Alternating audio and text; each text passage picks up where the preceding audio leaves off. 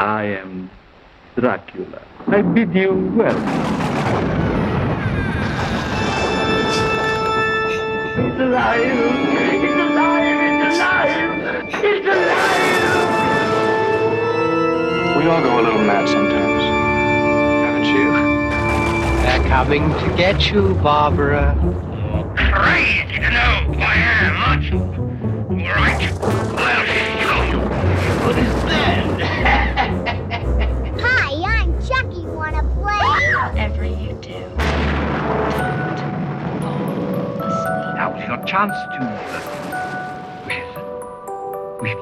God aften, mine damer og herrer, og velkommen til Det groteske kinematek. Mitt navn er Mathias Johannessen, og med meg i dag så har jeg min faste cohost. Gudmund Arne Lilletveit. I dag så skal vi gjøre noe som jeg har gleda meg ufattelig, ufattelig mye eh, til. Og det er et svært beist eh, vi skal ta for oss i dag. Vi skal rett og slett snakke om de aller største adopsjonene av eh, skrekkens gudfar eller bestefar, eller, eh, eller eh, hva du vil kalle han for noe som er eh, Dracula. Eh, altså da Bram Stokers eh, eh, sin bok Dracula. Og monsteret Dracula. Um, og jeg eh, Det er jo mange filmer vi skal gå gjennom her, så jeg har bestemt meg for at jeg eh, skal skrive inn en tidskode for alle, sånn at du kan hoppe til Hvis du er kun interessert i å høre én, eller du kun har sett én film, så kan du hoppe til den, og så kan du høre på den. Og vi skal selvfølgelig se ifra om vi kommer inn i, i spoilers. Nå er jo det her en 100 år gammel eh, eh, roman, men alle filmene er jo kanskje litt forskjellige. De har noen twister her og der. Um, så hvis det dukker opp nå, så får du beskjed om det. Um, det her blir en lang diskusjon, så vi blir å dele den i to deler. Og den første delen skal vi ta for oss uh, uh, Nosferatu fra 1922, uh, Dracula fra 1931 og Horror of Dracula fra 1958. Senere skal vi snakke om eh, den, det som blir kalt for Langella Dracula.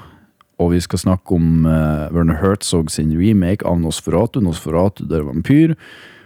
Og uh, Francis Ford Coppolas Bram Stokers Dracula. Så du hører det blir, det blir mye å snakke om her. Uh, så eh, Men vi skal bare Vi skal hoppe, vi skal hoppe rett inn i det. Men eh, Gudmund, eh, vampyren generelt, ikke bare Dracula. Hva er ditt eh, skrekkfilm eller sånn generelle sånn forhold til det? Ja, nei eh, altså, eh, altså, Vampyrsjangeren har jo egentlig vært, og fortsatt er, min sånn favorittsjanger, kanskje, innenfor skrekkfilm. Eh, vi snakket jo i første episode om dette med go gotisk, eller liksom gotikken, og innenfor skrekkfilm, som, som kanskje var sånn favorittsjangeren min. Men hvis vi tenker tenke sånn favorittmonster, så er nå kanskje vampyren uh, favoritten. Uh, jeg, vet ikke, jeg vet ikke hva det er med, med vampyren, men, men det er liksom noe med at uh, de er menneskelige, men Eller de har en menneskelig form, men samtidig så er de liksom de, de, de, Det er en demon, liksom. Da er de uh, De uh, ja, de, de, de suger jo blodet av oss vanlige mennesker, og det er, det er ganske sånn ekkelt, egentlig. Ja, det finnes jo mange variasjoner på det der blodgreiene, og med de som vil De som på en måte er supergira på blod, og de som er litt mer sånn 'nei, jeg vil ikke, men jeg må', og, sånn. Ja, ja. Og det er jo, jeg syns det er så interessant med vampyrsjangeren òg, at, eh, at det har blitt gjort så mye forskjellig. da. Altså Du har jo sånn fra 30-40-tallet så var jo det standard med Dracula og eh, Ja, du hadde jo Draculas Daughter, og du hadde Return of the Vampire, og, og, men det var mer sånn klassisk, sånn som vi kjenner det fra Bram Stoker eh, sin bok. Mm. Eh, men så når du kom på eh, 60-70-tallet, så begynte det å bli mer sånn eh, type filmer der eh, eh, vampyren var ikke eh, Det var veldig mye kvinnelige vampyrer, egentlig. Spesielt på tidlig 70-tallet. da. Du hadde jo sånn som eh, Let's Scare Jessica to Death, uh, Daughters of Darkness, uh, The Blood Spattered Bride.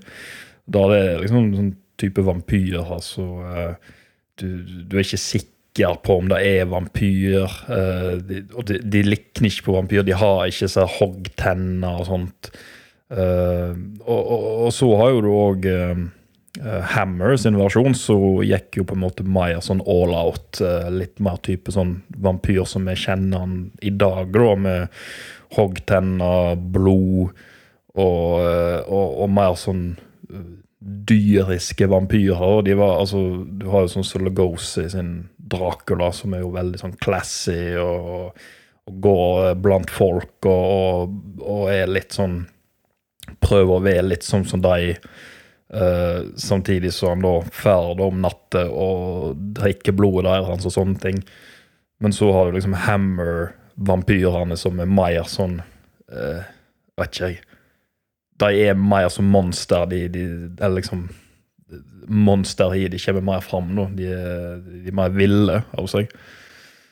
Uh, og så har jo du 80-tallet, som er jo litt sånn interessant. Der du har jo eh, Near Dark, The Lost Boys, Fright Night. Der er eh, både sånn callback til den gamle vampyren, men òg veldig sånn fortsatt veldig moderne. Da. Det er mer sånn ungdommelig, på en måte. Og, og eh, du, du, du har liksom eh, Jeg vet ikke, jeg er litt mer sånn eh, rebelsk vampyr, på en måte, på 80-tallet.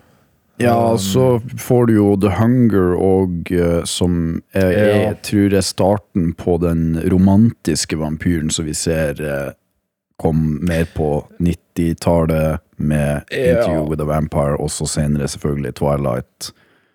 Um, og den ja, type og, og til og med Coppolas Dracula er jo òg veldig romantisk. Ja, så, ja da. eh, så ja, det er jo noe der på 90-tallet, 2000-tallet. Eh, Men så er det litt interessant, nå i dag så har vi ikke hatt så veldig mye vampyrfilmer, egentlig. Ikke så jeg kan komme på. Så det virker som at uh, vampyrsjangeren har dabba litt av i, i vår tid, da. Ja, det blir jo uh, What We Do In The Shadows, da. uh, som er parodi Ja. på vampyr. Um, Ja. Som er den klassiske type Noe er populært, og så kommer det en parodi, og så uh, dør det litt ut. Det, skjer, det har jo skjedd tidligere òg med Dracula. Etter Coppola sin så kom jo Dracula Dead and Loving It med Leslie Nielsen. Ja. Eh, som egentlig er mer Den er vel kanskje mer retta mot Hammer-filmene, men you know, den, Mm. det er jo en parodi likevel. Ja, ja. Uh, så jeg tror uh, Men vi har jo òg den miniserien som kom eh, for to år siden, eh, på Netflix. Dracula. Ja, ja eh, Mark Gattis uh, Dracula. Eh, og den var jo Den var jo i en litt mer sånn Sherlock-stil, da uh, den begynner liksom på Rundt den tida romanen tar plass, da, på sånn rundt slutten av 1800-tallet, men så etter hvert så blir han dratt inn i moderne tid. da. Så, eh, og den skifter jo om litt på karakterer. Van Helsing, en kvinnelig karakter, og, og, og sånne ting. Så, eh, og Dracula er litt mer sånn Da ble det vel mange som ble sint når Van. Helsing var en kvinne. Jeg syns det var ganske stilig, da. Eh, Agatha Van Helsing jeg syns det var egentlig ganske tøft. Eh, En nonne som eh, skal prøve å drepe en vampyr. Jeg syns det var egentlig ganske stilig gjort. Jeg. Men eh, Jo, jo, men eh, du, du er jo ikke det generelle sånn der eh, sytemiljøet som er ute på, på nettet. Eh, men eh, nå skal det jo sies at eh, før Dracula, novellen, altså Dracula, så var jo da faktisk en kvinnelig vampyr som var eh, før. Altså Carmilla, som er en bok skrevet eh, en eh, 20 år før Bram Stoker sin Dracula, er jo en vampyr. ja, En, en ja. female lesbian vampire. Ja, ja. Og den var jo eh, Det har jo vært en del filmer basert på denne karakteren. Da. Eh, The Vampire Lovers, for eksempel, som er en Hammer-produksjon. Eh, og du har jo òg Dracula's Daughter, kinda. Ja, og The Bloodspatter Bride er òg Carmilla Karnstein, så um, ja. Mm. Men, men den karakteren ble jo ikke like uh, kjent da, som Dracula. Nei, jeg lurer på hvorfor. Nei, det er vanskelig å si. Nei, for det, for det er jo kanskje en eh, Jeg, jeg vet ikke hvor, hvor, folk egentlig tror Dracula kommer fra, men, men det er jo uh, trygt å si at uh, vi må tilbake til folketro og myte, eh, som da vi satt inn i fiksjonens verden på 1800-tallet. eh, så tidlig som altså begynnelsen av 1800-tallet, så har du jo en, eh, en, eh, en story som heter for The Vampyr. Og så får du jo senere Carmilla, og så selvfølgelig den som alle kjenner, med Bram Stokers Dracula, da. Men det som er interessant, og det som vi skal se utover her, er jo at det, jeg tror det er mye ting som folk kanskje tror er i boka, men som egentlig ble oppfunnet med mediefilm. Fordi Dracula er veldig Altså, Dracula hadde ikke vært så kjent i dag hvis ikke det hadde vært for mediefilm. Det har, det har jeg 100% det tror jeg 100% på. Fordi det er der han virkelig tar form og blir så, en sånn stor skikkelse i populærkulturen som han er i dag. Ja. Men det skal vi jo eh, selvfølgelig Det blir vi å se når vi skal diskutere de her filmene. Men, eh, men hva var liksom den første Husker du hva den første vampyrfilmen du så var, eller første Dracula, eller Eller blir det for du- vanskelig? Ja, du, du spør veldig godt, for jeg føler sånn, sånn type karakterer som Dracula og Frankenstein og The Wolfman Det er liksom, jeg, føler det er sånn som du blir født med.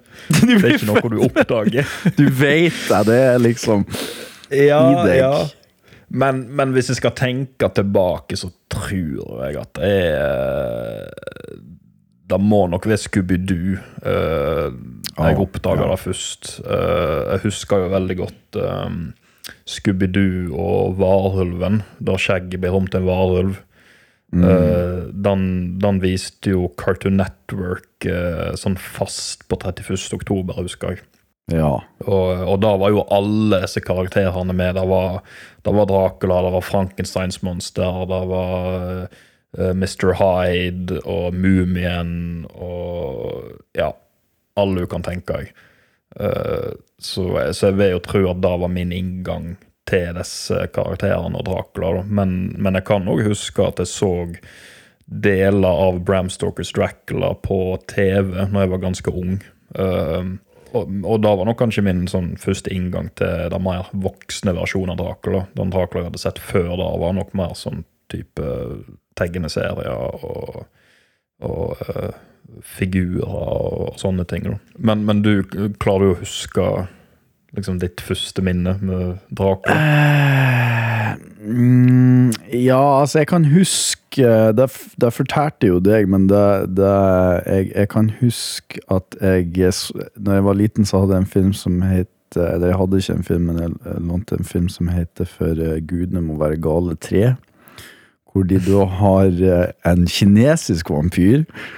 Eh, som er en greie som jeg tror veldig få folk vet om. At det er, finnes kinesiske vampyrer som òg har like sånn ridiculous regler som, som på en måte Dracula har, som vi skal komme inn på, men som er sånn der Altså Med Dracula så har du jo rennevann kan drepe han på et tidspunkt. altså Det er veldig mye forskjellige rare regler. og Det er det samme med den kinesiske vampyren. og Det som var så fint i den filmen, der, selv om jeg er ganske sikker på at filmen er ganske dårlig, um, det er at um, det forklarer de de forskjellige reglene for den kinesiske vampyren og for den vanlige vampyren. Så der fikk jeg jo litt det her. Ok, han tåler ikke dagslys, han tåler ikke korset, eh, og de der type tingene. Så det husker jeg distinkt. Utenom det så er det mulig det var Blade 2, Ja. eller, eller bare Blade. Tror jeg kanskje var en inngang for veldig mange. Mm. Um, og både Horror of Dracula og Dracula var seint for meg, men, men jeg, eh, Vampires av John Carpenter tror jeg var tidlig ute. Um, så, så, så, men jeg det er jo sånn som du sier, altså de de der type monstrene, de er i absolutt Altså, Frankenstein og Dracula, de er jo i alt. De, alle teg, tegneserier, de er på TV, og Altså, du, du kan ikke unngå å, å få deg inn, liksom. Um, Nei, og det, og det er jo sånn, sånn i oktobertid nå, vet du. Bare går inn på Europris eller på Nille, vet du, så er det masse sånn halloween-godteri. Og hva er det da? Ja, det er alltid det er Dracula, Frankenstein, Wolfman og så et eller annet spøkelse i litt sånn hvitt laken. Det er sånn, det, det, du, du ser det overalt rundt denne tida her. Så, Ja. eh, så du blir på en måte mata inn med dette med en gang du uh, begynner å bruke øynene. Så Ja, det er jo nettopp det. Så, eh, så, men, men det skal sies at, at Dracula, eller da vampyrer, sånn som du snakker om, det er òg, tror jeg, min sånn favorittgreie. Jeg er obsessed med eh, både Dracula-karakteren, men òg vampyren, sånn som du sa, som er så menneskelig og så lur og slu og sexy og, og liksom har mange av de sånne elementer som jeg, som jeg liker, da. Eh, men det kan vi jo komme inn på. Men eh, jeg tror egentlig vi kan eh, gå inn i det. Men, men før, før vi går inn i Nosferatu, kort spørsmål. For du, eh, men hva var liksom Husker du Dracula-filmen? Nå snakker jeg Dracula spesifikt. Som liksom var Nå har jeg sett Dracula, på en måte. Hvis du skjønner hva jeg mener. Altså, for første gang, liksom. Skikkelig opplevd Dracula. Historien. Ja, jeg eh, Altså, jeg kommer jo ofte tilbake til han James Rolfe, da. eh, Monster Madness. men, men jeg husker jo Jeg så jo hans første Monster Madness eh, Det var noen år etter, etter det kom ut, da, så da var det 2008, tror jeg. Og, og, og det var jo da jeg ble jo veldig sånn Det var jo da jeg for første gang ble introdusert til de klassiske filmene. Altså Dracula og Frankenstein. Og, og jeg husker etter jeg så det, så fikk jeg sånn mission at jeg, jeg måtte få sett Dracula på et eller annet tidspunkt. Uh, men det var, det, var jo, det var vanskelig å få tak i filmene på en tid. Uh, jeg husker jeg reiste jo mange ganger på platekompaniet og Playcom uh, i Bergen, og, og fant jo aldri disse filmene. Men jeg kunne huske, når jeg var mindre så det var jo rundt 2003, rundt den tid Van Helsing, den filmen kom ut.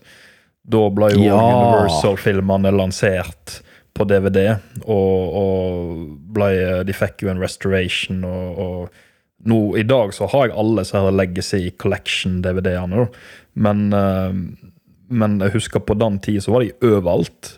Men så på den tida, mm. når jeg begynte å bli interessert i disse filmene, så var de helt umulige å finne.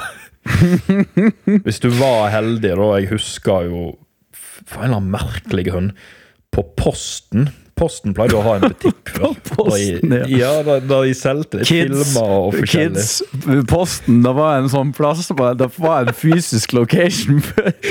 ja. Og på Posten, på Gol, av alle plasser, da hadde de Legacy Collection av Frankenstein og The Wolfman. Damn! På Posten på Gol. Ja, og jeg bare sa til mamma de to ønsker jeg meg til jul, for dette var i desember. Og, eh, og ja, jeg fikk jo de der. Uh, Og så gikk det vel litt lengre tid, så fant jeg vel Dracula til slutt. Jeg tror jeg var på en GameStop eller noe. Eh, Det var ikke, det var ikke selve Legacy Collection med alle filmene, det var bare liksom Dracula alene. da. Eh, men, men da fikk jeg i hvert fall sett da, altså 1931-versjonen med Bela Lugosi. Um, Ja. men, men jeg tror faktisk før den tid så hadde jeg allerede lest boken. Um, jeg kjøpte en sånn bitte liten pocketbok uh, på Outland. Jeg tror den kostet sånn 19 kroner. Uh, så den meide vi meg gjennom, og jeg var jo bare 13 år. Uh, så jeg er litt sånn stolt over meg sjøl at jeg klarte å lese en bok i en så ung alder. Ja, det, det imponerer meg òg litt, faktisk. Ja. For jeg har store Så- problemer i voksen alder med å lese den boka, så, eh, så kudos til det. Ja, så, eh, så ja, nei, eh, jeg vil si når jeg var sier 14, da, da tror jeg så Dracula for, for første gang. Ja, men det, det er jo ikke Det var jo synd, men, men, men, men det var morsomt du nevnte van Helsing, for det tror jeg faktisk var en av de første. eh, filmene som hadde Dracula, som jeg så. Ja, Altså, ja, 2003 hvis du Van skal- Helsing. Ja, hvis du skal regne med den, så, så er nok det min første òg. Ja. ja. For den er jo Jeg syns alltid Jeg har ikke gått tilbake og sett den siden jeg var veldig liten, men jeg husker jeg digger liksom Ja, men- den storyen. Ja, men den er ikke så verst. Jeg så den opp igjen for sånn fire-fem år siden, den er ikke så verst, da, egentlig. Det er, en- det er en ganske Nei. film. Um, men ja. Ja, det, ja, men det tror jeg òg, for jeg bare husker at For den har jo både Frankenstein og Dracula, som er bare sånn perfect. ja og Eller Frankensteins monster. er Alle karakterene. Og Mr. Hyde Ja. er jo med sånn helt i begynnelsen. Ja, nettopp, ja. Ja. Nei, men jo det er perfekt. Det, det må jeg ta og se opp igjen i oktober. Det, Ja, det, det syns du skal gjøre. ja. Men, men eh, boka, Bram Stalkers Dracula Vi skal bare fort For du, du nevnte den nå nettopp. Mm. Eh, og hva er ditt sånn hva, var, hva er ditt inntrykk av boka, eller hva var det når du leste den? Eh, eh, liksom, jeg, jeg vet ikke hvor lenge siden det du leste den sist. Eh, Jeg driver og leser den opp igjen nå, faktisk. Jeg, eh, jeg har en sånn mission at jeg skal prøve å få lest den hver oktober. Det er ikke alt jeg får til, men uh, jeg fikk det til for to år siden, og nå er jeg på den igjen, så Ja, nettopp. Ok. ja. Uh, men, men det er jo en sånn Altså Når du snakker om klassisk litteratur Dracula for meg er jo liksom helt der oppe blant de beste. Det er eh, Den er gotisk, den er atmosfærisk og spooky og fantastiske karakterer. Og, og jeg liker også veldig godt måten han er skrevet på som liksom dagbok og brev og, og avisutklipp og sånt. Jeg syns det er jeg jeg syns det er en veldig sånn fin og, og original måte å fortelle en sånn historie på. Mm. Um, og, og utrolig lettlest òg, selv om det er en bok som er jo Ja, kom, jeg husker ikke akkurat når han kom ut, men det var rundt slutten av 1800-tallet. Uh, men til å være så gammel, så er han overraskende lettlest. da. Ja, det kan jo ha med den måten den er satt opp på, som du sier, med dagbokinnlegg, brev, avisutklipp, at han, han, han hopper veldig fra perspektiv til perspektiv, og, og, og er veldig sånn snappy på den måten. Ja, det går veldig fort. Det er liksom ikke Det er ikke noe Dostojevskij der eh, ett kapittel er på 80 sider, liksom. Så eh, Nei. det er Ja. Det er det er en veldig fin bok. Så går det jo sikkert også fort, fordi du blir så, det blir så nervepirrende, liksom. Ja, og så er det veldig mye ting du kjenner igjen. altså Det er jo ikke alltid boken som har blitt filmatisert, da, men det er jo mange av disse ikoniske øyeblikkene i bok som du kjenner igjen i. da, Så du får jo disse bildene opp i hodet veldig fort. og Nei, og så er det jo interessant, eh, men det tror jeg jo man eh, Det tror jeg vi kommer inn i når jeg skal snakke om filmene òg, for jeg legger litt sånn Jeg legger litt merke til det, men jeg legger mer merke til det i boka, selvfølgelig. Det er jo at eh, hele boka er jo basically bare eh, Den er kinda litt uh, Racist er feil eh, ord å bruke, men xenofobisk. Fordi den handler jo basically om fremmedfrykt mot de her østlige europeerne. For Dracula er jo i teorien bare en mann fra østlige Europa som de som åpenbart Bram Stoker er veldig redd for. da. Han er redd for de her folkene i øst. Barbarene. Eh, For det er jo egentlig based på Dracula er vel basert på Eller Dracula betyr vel drage, gjør det ikke det? På, ja, på valakisk eller på rom, rumensk. ja, altså eh, Jeg vil nok tro at Bram Stoker var inspirert av Vlad the Impaler, eh, som Mm. var Jeg vet ikke om han var en sånn fyrste eller et eller annet. Fra valakisk Valakia. eh, Ja, ja. fyrste som er i dag Ja. Romania. Ja, ja. Uh, som var visst ganske sånn ja, en grusom person. Men her står han faktisk Han eh, heter jo Vlad the Impaler. ja, Det er jo kallenavnet han- hans. Ja, men de kalte han òg for Vlad Drake, da. Uh, Ja, for det, jeg tror det er drage, rett og slett. ja, ja. Ja. Og, han var visst kjent for å være ganske sånn grusom fyr. Torturerte fiendene sine og sånt. Og ja. Ja. Uh, var nok uh, var nok en slags eh, real life Dracula, ja. Eh, Ja um, Kanskje ikke drakk blodet til fiendene sine, men ja. Nei, men jeg har hørt eh, merkeligere ting sånn sett uh, fra sånn litt sånn uh, Fordi konger og fyrster og diktatorer de har en tendens til å være veldig sånn eh, eh, gæren på sin spesielle måte. ja. Så at han hadde drukket blod, det hadde ikke overrasket meg sånn sett. Men, eh, men det er jo en god kilde til inspirasjon, da. Eh, og, men, men der ser du jo òg at det tar jo plass i Transylvania, som, er- som er i dag i Romania. Jeg, jeg kunne tenkt meg å førre til Transylvania, bare for å liksom sjekke. Bare for å dobbeltsjekke, liksom. Om, eh, om han er død, liksom. Om Dracula er død. ja, det tror jeg. For jeg regner med at han ligger der på en gravplass en plass. Ja, Der ligger vel noen knokler igjen. De må brennes sånn som i, sånn som i det populære videospillet Castlevania 2, Simons Quest. Ja. Men, men hvis han ligger der på ekte, så, så er det uh, veldig spesifikt hva vi skal gjøre. Vi må ta en sånn her uh, steak, og, Ja. og, og vi må stikke det gjennom hjertet hans, og så må vi skjære av hodet, og så må vi stikke hvitløken i kjeften på hodet. Da, da skal vampyren være så død som han kan bli. Ja, det er sant. I, ifølge Bram Stoker. Ifølge Bram Stoker. Og med det så tror jeg vi glir inn i den første adapsjonen av Bram Stokers Dracula, nemlig Nosferatu.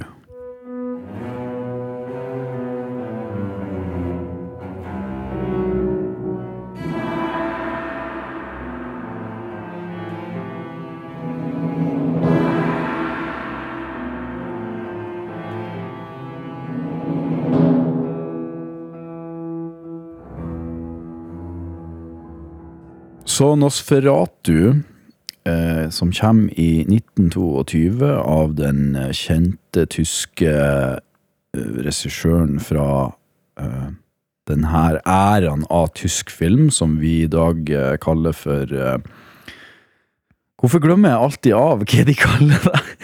Tysk ekspresjonisme. Tysk ekspresjonisme, takk.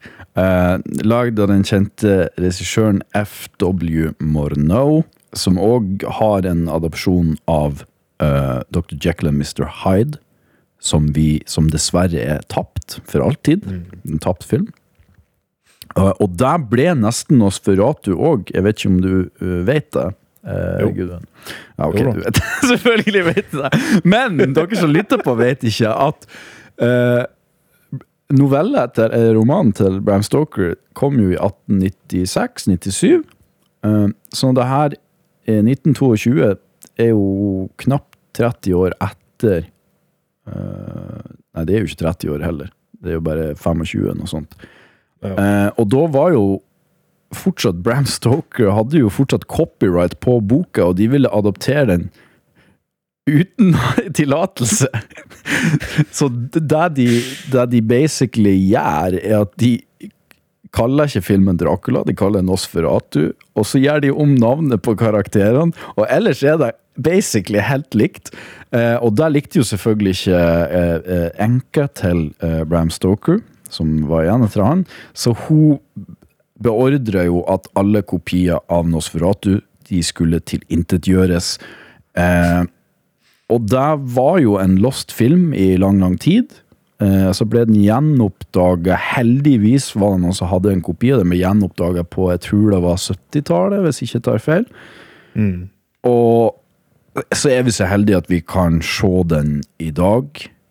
Eh, og vi skal være glad for at de ikke fikk tak i den aller siste kopien. Eh, så skal det også nevnes at det var vel en ungarsk versjon av Dracula som er før Nosferatu, men den fins ikke lenger. Nei, og, og, det er vel- også snakk om en russisk drakelag uh, som heller ikke har blitt oppdaga ennå.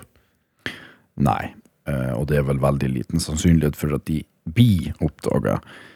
Men rarere ting har jo selvfølgelig skjedd i historien, eh, og det er jo mange ting man har oppdaga senere.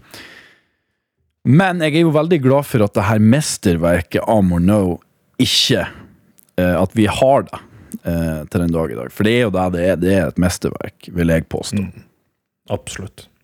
Jeg vet ikke hvilket forhold du har til, til Nosferatu, men du kan jo bare Please eh, tell me. Ja, nei, jeg så, eh, så Nosferatu veldig tidlig eh, i liksom min sånne eh, filmfase, da. Da var kanskje en av de første stumfilmene jeg så, hvis jeg ikke tar feil, sånn utenom Charlie Chaplin. Um, men, men jeg husker Kanskje litt sånn flaut å si, men sånn første gang jeg så han, så uh, Jeg likte han ikke så godt. Var um, Jeg syns kanskje han var litt for treig, og jeg kan faktisk huske at jeg spolte litt gjennom filmen. Uh, men, Oh, wow. men nå skal det sies at jeg var sånn 13 år. 13-14 år. Eh, det, du så liksom alt når du var 13-14 år. jeg gjorde det. Jeg så alvorlig mye på en tida der. Eh, Hvor så du den? jeg så den på DVD. Ok. Uh, den, den, i forhold til mange andre filmer, var faktisk lett å få tak i. Den, den fant jeg på platekompaniet. Uh, veldig fin DVD. Jeg, eh, jeg har den ennå. sånn, eh, med sånn slipcover som du tar ut. Og, og jeg husker det var veldig sånn fin kvalitet på bildet òg. Men, eh, men jeg så jo du igjen seinere, og, og da fikk jeg et helt annet inntrykk av filmen. Og, og jeg så han nå nylig i vår, eh, stumfilmkonsert oppe i Trondheim. Mm. og kjempefin konsert, og, og, filmen er jo eh, Altså, hun snakker om atmosfære. Det er du, du blir helt sånn sugd inn i den filmen, og, og Mac Shrek som Nosferatu er jo eh, kanskje den ekleste vampyren eh, av alle vampyrer. Eh, og, og liksom med tanke på at filmen er så gammel. Altså Han kom ut liksom før besteforeldrene mine ble født. Eh, det er liksom Du, du, du kan nesten lure på om om liksom Max Shrek var han en vampyr på ekte. For han ser jo nesten sånn ut. Han ser ikke menneskelig ut i det hele tatt. Nei, de lagde vel en film om det, gjorde ikke de det? Hvor, som heter Shadow of Vampire. Jo, uh, som var jo innspilling av Nosferatu, og da viste det seg at Max Shrek var en faktisk vampyr, og han dreper alle på settet én etter én, men Murnau er liksom så obsessed av å prøve å få lagd denne filmen, så han bare gønner på videre, selv om alle bare dauer, og til slutt så er det bare han igjen med kameraet sitt. Og, men, det, men det er en veldig god film, og kan jeg anbefale å se, faktisk. Um, Ja. så, så Nosferatu i dag er jo liksom For meg er jo i hvert fall i sånn topp fem når det kommer til vampyrfilmer. Det er en mektig god film, og til å være så gammel òg, så er han fortsatt skremmende. Ja, altså, den er jo 100 år i år. Eh, det var jo derfor den eh, eh, gikk på Cinemateket, hvor du så den nettopp med eh, eh, stumfilmkonsert. Jeg var jo òg og så stumfilmkonsert eh, her i Bergen. Eh, og da var jo Altså, jeg sier jo det til folk som mm, um, Altså, eh, det kan hende at du ikke liker stumfilm, og det er helt ok, men fær å se en stumfilmkonsert, for det føler jeg, hvis du skal se en stumfilm, så er det den ultimate Jeg vil ikke si den eneste måten å se en film på, for det, da får du jo aldri sett de stumfilmene, men hvis du har muligheten til å se en stumfilmkonsert, så er det absolutt verdt det, fordi filmene er som regel veldig kort. Eh, De er én time til kanskje én time 20 minutter, som regel. De, det er det sitter en fyr, kanskje et orkester, jeg vet ikke, som spiller live musikk som, eh, i, i over en time. Det er kjempe, det er alltid bra. Det er alltid høy, høy, høy kvalitet på det. Så det, det anbefaler jeg virkelig. Og det er jo Stumfilmkonserter har jo blitt uh, mer og mer vanlig i dag òg. Vi to var jo også uh, Das Kabinettet som dok- Dr. Caligari for Mm. Når den var 100 Ja, stemmer. ja. Og det var jo en opplevelse. Så, eh, så hvis du ser at det skal være en stumfilmkonsert på Cinemateket, så reis og se på det, for det er absolutt verdt pengene. Ja. Men eh, Nosferatu, som du sier, den har jo en eh, Altså, han er så gammel, og det der med at Max Shrek Du er litt sånn usikker på om han var en vampyr på ekte, fordi det er så insane makeup han har. Ja. Eh, at det gir nesten filmen en sånn eh, en sånn der eh, egen sånn mystisk kvalitet. Hvor du, den, den er veldig sånn hypnotisk, både filmen og, og egentlig alt som liksom mysteriet rundt den i hermetegn. Eh, som liksom du kan begynne å tenke på når du ser filmen. Spørs det selvfølgelig hvilken soundtrack du har attmed, men, eh, men som regel så tror jeg det kan liksom pulle deg inn i sånn hypnotisk stemning, rett og slett. Mm. Og så har du jo eh, Jeg syns navnet er fantastisk på For Max Schreck spiller jo ikke Count Dracula, men Count Orlok. Som er sånn Og Nosferatu og Orlok, det er liksom eh, det, det, er, det, det er unikt hvordan Morneau sin, eh, sin liksom framstilling her er så sterk at senere så blir den remaka som en egen type liksom, film, når det er remake på 70-tallet, og, og at den, den Nosferatu-vampyren, den Max Reck-vampyren, er like Den er vel kanskje ikke like sånn uh, gjenkjennbar som Bella Lugosi sin, men det, at den kan overleve parallelt med Bella Lugosi sin, syns jeg er ganske fantastisk. Ja. At, at det finnes to, på en måte. Det har du jo ikke med Frankenstein, for eksempel. Det er jo bare um, uh, Det Boris er jo Karloff samme gamle Ja. ja. Ja. Og det er jo altså Nosferatu, altså den uh, karakteren, eller liksom uh, Den type vampyren har jo blitt brukt uh, mange ganger, altså i eh, I Salem slott. Det er jo Mm. basically Nosferatu. Og, og du har jo òg En litt nyere, som både var bok og en TV-serie som heter The Strain, uh, som var Mm. vampyr. Mm. litt annen versjon av vampyren. Men da var i hvert fall liksom uh, The Master, da, uh, liksom hovedvampyren, var veldig lik Count Orlock-vampyren. så så den, den type karakteren har jo dukket opp veldig mange ganger i film- og TV-historien. What We Do In The Shadows òg. Ja. Ja, for det er jo Det som er spesielt med denne filmen her, da, det er jo at Altså, det er jo en stumfilm, sånn at storyen her er jo veldig sånn tynn og veldig sånn på en måte det, det, Han tar jo alle beatsene, selvfølgelig, med skipet, eh, Transylvania, reisen til England. Eh, men, men det som er spesielt her, er alle de der sekvensene som er litt sånn off. Eh, ting som er speeda opp, for eksempel. Det er noen sånne sekvenser som er liksom speeda opp eller speeda ned, og, og skyggespillet. Det tror jeg er det folk mest tenker på når de tenker på Nosferatu. Eh, og, og det bildet av han i, som stirrer i, i det der vinduet på motsatt Ja, ja. side av, eh, av jeg, jeg vet ikke hva den karakteren hennes heter på den tyske, men det er vel eh, Lucy det skal forestille. Um, Og det, det bildet og det bildet av han som på en måte sniks, den skyggen som sniker seg opp. Og, og så er det jo også noe med at den skyggen hans, når den treffer Lucy, så er det akkurat som at skyggen i seg sjøl kan eh, angripe henne. ja, for han begynner liksom å ta kvelertak på henne. Ja. Så det er sånn utrolig guffent.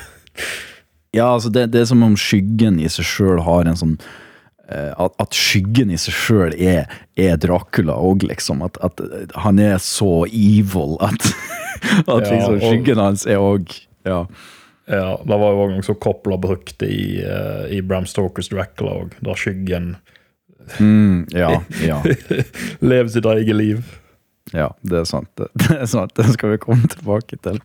Men eh, Så det er jo det, det er jo på en måte Og jeg er jo enig i det du sier, altså. Jeg skjønner jo at, at folk kan se den her og tenke at ok, det kan gå litt tregt. Jeg tror det kommer veldig an på hvor du ser den henne. Jeg, jeg så jo eh, Jeg så jo den her på en bærbar PC på en båt jeg jobba på når jeg var sånn 16 år. Ja. Og jeg vil jo si personlig så ble jeg ble helt hypnotisert av å se deg på en bærbar PC, så jeg syns jo det var helt amazing. Men, men, men det var sikkert noe med liksom Jeg var alene på denne båten, og det er jo en sekvens med en båt her i, i, i Nosferatu, som i veldig mange av de her Dracula-filmene. Uh, og det var kanskje at jeg på en måte kom litt inn i stemninga der, kan du si. Så sjøl om jeg så den på en veldig liten skjerm, og sånn, så ble jeg likevel veldig oppslukt. Og, og, og, men jeg var jo 16, og du var 13, så det er jo en viss eh, Og da var jo jeg på en måte kommet inn i det her horrorgreiene, så jeg var jo obsessed med det. Eh, Så jeg tror det var noe med den der veldig, Nosferatu er veldig spesiell fordi at den har den der kvaliteten at den er så gammel at den føles veld, nesten sånn mytisk. Liksom. Det, det, jeg Ja. tror det er det som kommer til å holde liv i den filmen, av, av alt, liksom. Mm, mm. Men annet enn det så vet jeg ikke om det er så veldig mye mer å gå inn i den.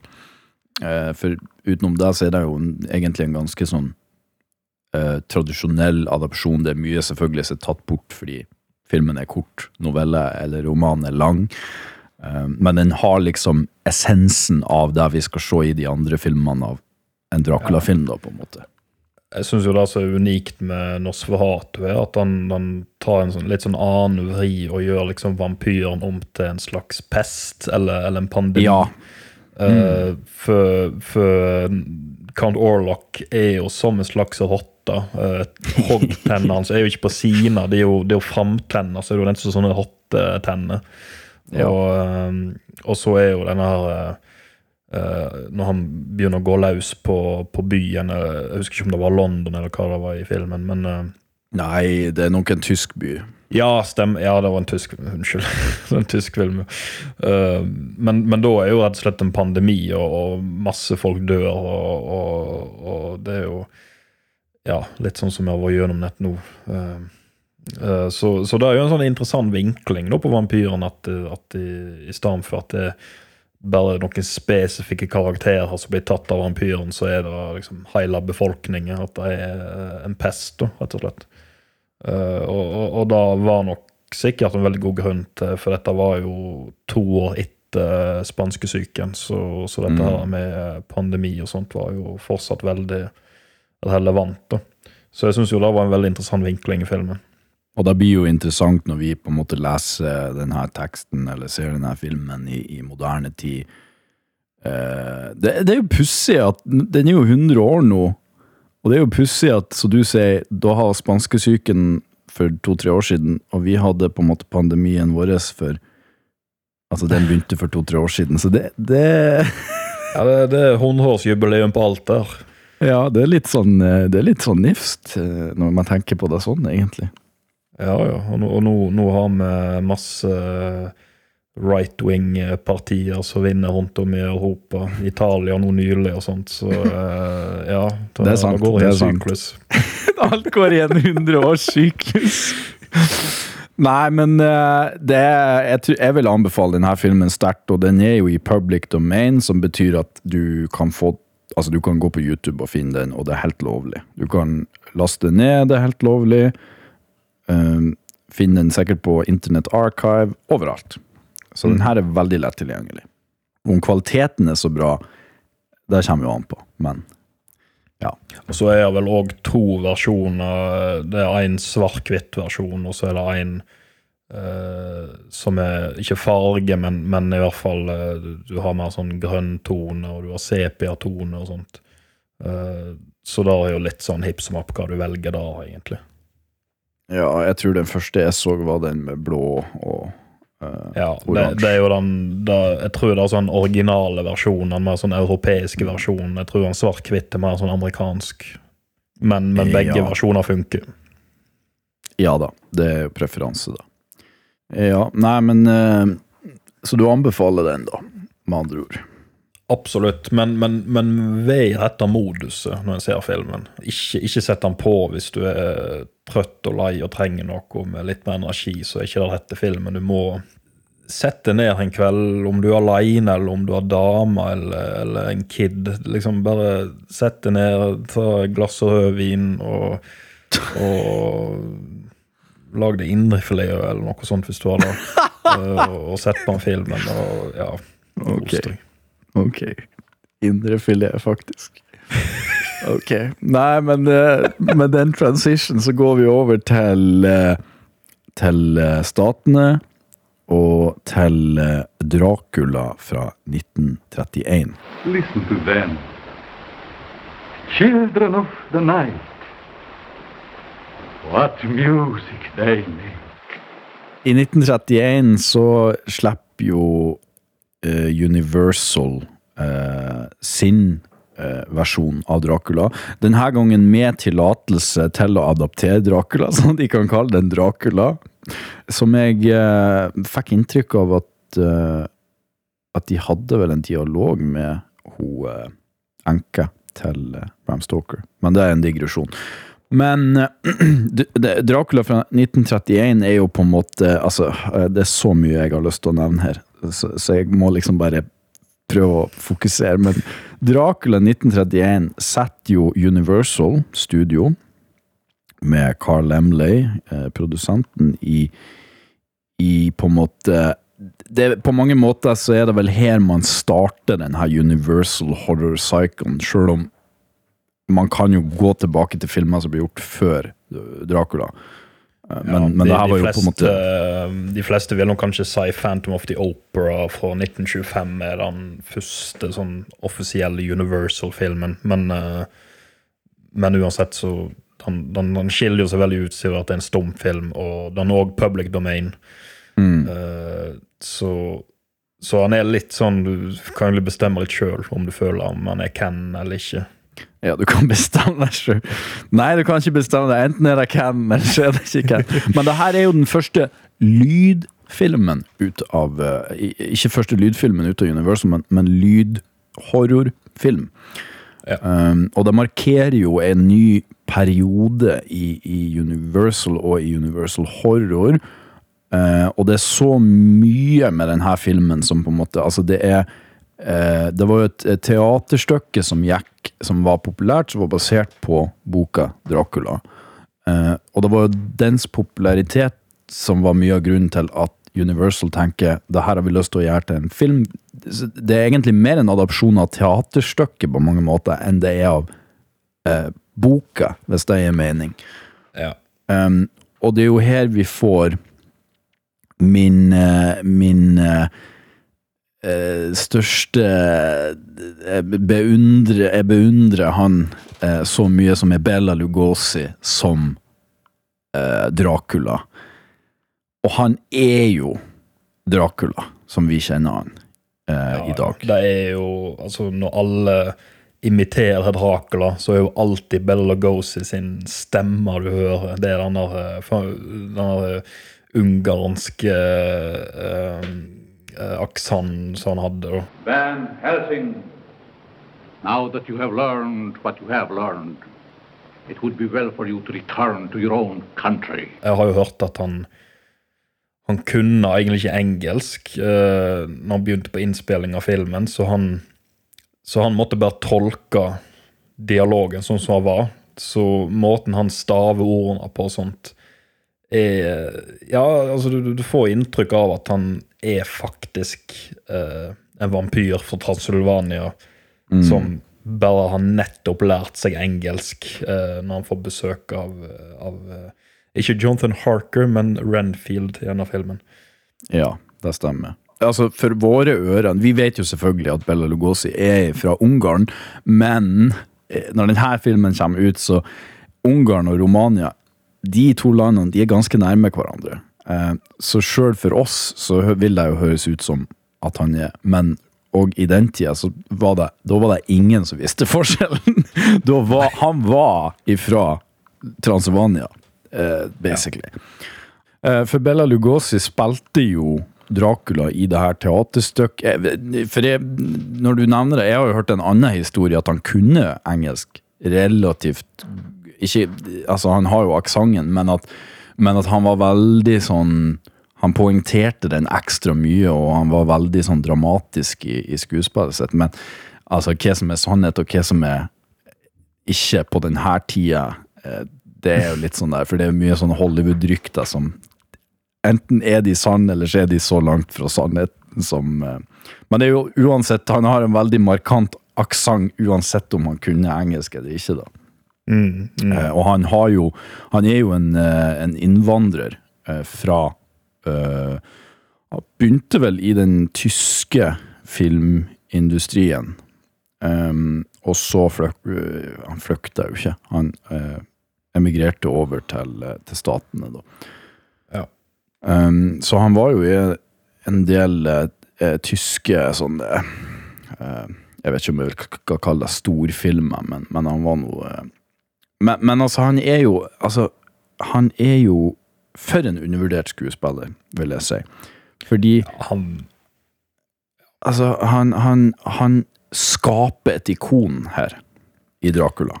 Ja, han, han, skaper jo eh, altså et ansikt, stemmer, men òg liksom Altså, han har jo kappo, og det liksom Det er det er Dracula. Det eneste han mangler, er jo hoggtenner, men ellers så er det det er Dracula. Det er ikke tvil om det. Og manerismene, altså de her fingrene, og det her veldig sånn eh, Han er liksom sexy, men slu, og eh, liksom Du føler hver scene sånn Han skal liksom ta meg på, på alle måter, på en måte. Ja, ja. Og, og han Han har en sånn kraft i alle scenene han er med i denne filmen, så, så bare tar han scenen med en gang, liksom. Han, han eier ja. alt. Det er jo det òg måten han bruker øynene på, altså den måten han stirrer på deg. da. Og det er jo noe som uh, på en måte ble hans sånn uh, trekk i alle filmer, sånn White Zombie og The Black Cat. Uh, det er liksom han det blikket han gjør. Han, han stirer ned i senk. og og det er jo etter at Dracula klarer å hypnotisere folk. Jeg er sikker på at Bella Lugosi han, han klarte kanskje å, hypnotisere folk på ekte med det, med det blikket sitt. For, Ja, det vil når du jo, ser eh, på han i den filmen der, du blir jo helt eh, Du, du klarer jo ikke å ta øynene dine vekk fra filmen, liksom. Du, du blir jo helt datt inn når du ser øynene hans. Ja, og han Det er jo som du sier, det er jo ikke bare denne rollen som er ikonisk, men uh, han han har masse masse andre roller som er ikoniske. Altså, det er jo til og med faktisk han som starter måten, altså måten vi ser på Frankensteins monster på i dag, og er jo også Bella Lugosi. For han spiller jo monsteret eh, på et senere tidspunkt i en av de Frankenstein-sequelene. Og det er jo han som begynner med det her, med armene ut og, og liksom. Ja, og, og det var jo Han var vel egentlig meint å spille monsteret i Frankenstein som kom ut samme år, før han ble jo enormt populær etter Dracula. Ja. Eh, Men så er det veldig forskjellig. da eh, Bella Lugosi følte ikke at han var en verdig nok skues... Eller han, han følte ikke monsteret var et verdig nok karakter for han som skuespiller. Eh, men noen mente at uh, at de følte ikke Bella si passte til den rolla i hele tatt. Uh, jeg har hørt noen lo av han når han var på audition. Men, men sånn cirka ja, 11-12 år seinere så spilte jo han da Frankenstein-monster i Frankenstein meets The Wolfman, og, og der Ja, som du sier, han går jo rundt med armene strekt ut, og, og det er jo når folk imiterer Frankensteins monster, så er jo av den versjonen, så eh, Så Bella Lugosi eh, han er jo Han er jo begge de store monsterkarakterene. Ja, men det kommer vi tilbake til når vi skal snakke om Frankenstein og alle Ja. filmene der. Men, men Bela Lugosi var jo egentlig ikke ment å spille Dracula i Dracula heller. Fordi der var jo Lone Chaney jr. som skulle spille Dracula. Nei, ikke junior, men senior. Nei, ju, eh, senior, mener jeg. Sorry. sorry. Ja, han, eh, han, eh, for han var jo veldig stor på 20-tallet. Han spilte jo Fantomet i Phantom of the Opera, uh, The Hunchback eh, i The Hunchback of eh, Notre Dame. Mm, og han var jo han skuespilleren var jo kjent for De kalte han for The Man of a Thousand Faces, for han gjorde sin egen makeup. Og, og gjorde jo veldig bra jobb òg. hans mest kjente film er jo London After Midnight, som ikke eksisterer. Den har vært tapt siden, ja, siden hun kom ut. Men, men den karakteren Lon Chaney spiller i den filmen, er jo eh, hans mest kjente karakter. Og det er masse bilder som har overlevd ifra den filmen nå. Mm. Så, som har et bilde av den karakteren. Men uansett, Lon Chaney var meint å spille Dracula, uh, men så fikk han kreft og døde vel i 1930 uh, tror jeg 1929-1930, så, uh, Ja. så det ble jo ikke han. Men eh, jeg har ofte tenkt litt sånn hvordan Dracula hadde vært eh, hvis det var han som spilte Dracula.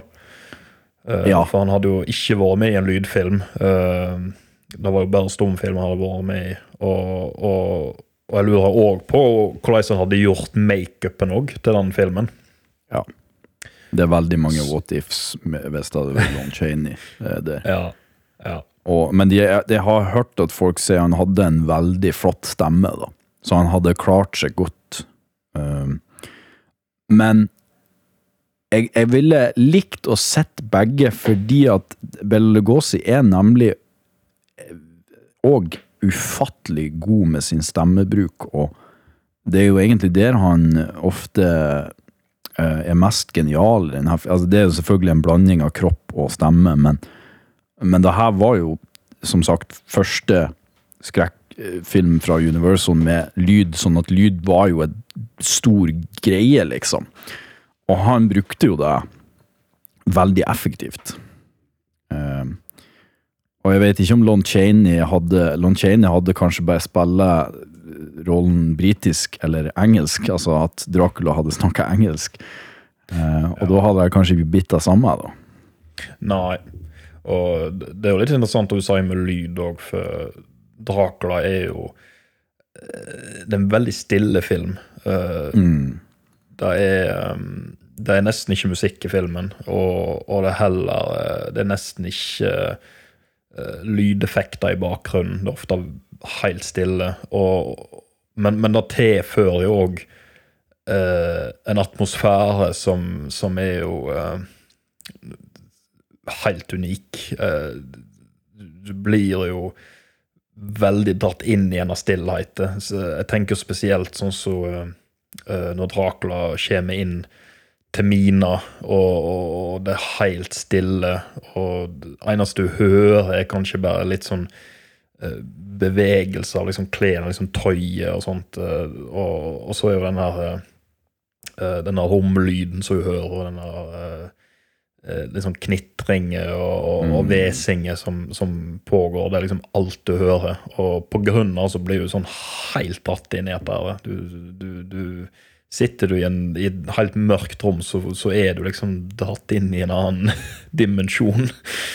Ja, og, det, og jeg tror jo her òg må du på en måte være i en sånn Ja, det er, det er lyd, og de snakker og sånn, men du må òg være i en sånn mood, for det som du sier, den er, den er Dracula og Frankenstein som kommer ut i samme år, de er veldig like på, det, på den måten at de har ikke klart å få til miksing av lyd ennå, skikkelig.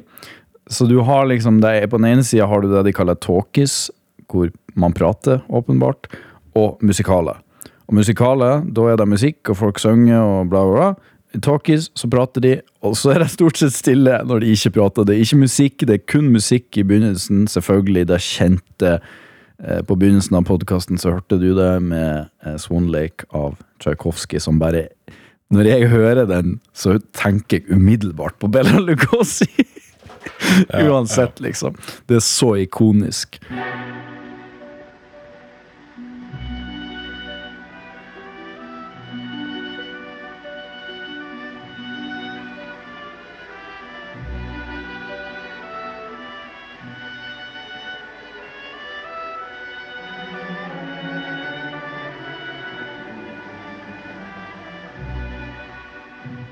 Men det er en egen på en måte, at, eh, egen type film, både Dracula og Frankenstein, med den der stillheten som du òg må være i en sånn mood, tror, tror jeg. Men er veldig effektiv og veldig spooky, vil jeg si. Absolutt. Men det er jo smak og behag, da. Så jeg skjønner jo hvis det Men, men jeg ville jo i hvert fall gitt det en sjanse, da. Nei, altså, jeg vil, jeg vil jo snakke om liksom, altså, filmen altså, Men du nevnte jo da at filmen kanskje var mer basert på skuespillet eller teaterstykket da, enn boken. Og, og jeg tenker jo på at filmen er jo veldig annerledes i forhold til boken. da.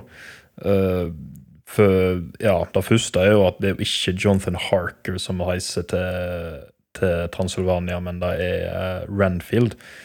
Som for så vidt er jo rett, da, for det var jo Renfield som reiste først til Transylvania. Eh, men kom tilbake igjen til London som en gal mann og, og, og, ble, og havna på mentalsykehuset. Mm. Eh, men, men i denne filmen her så er jo Renfield som kommer, og, og han reiser i lag med Dracula tilbake til London.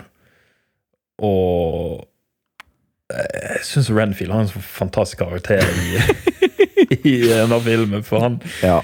Han, han gjør ikke så veldig mye. gjennom bare sånn går rundt og loker og, og, og, og Er crazy. Ja, han, han, ja, han skremmer jo vettet til, til, et, eh, til, til hun, eh, hun eh, en av damene og sånt. Og, We are here.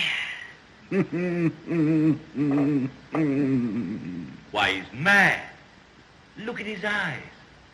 Why, the man's gone crazy.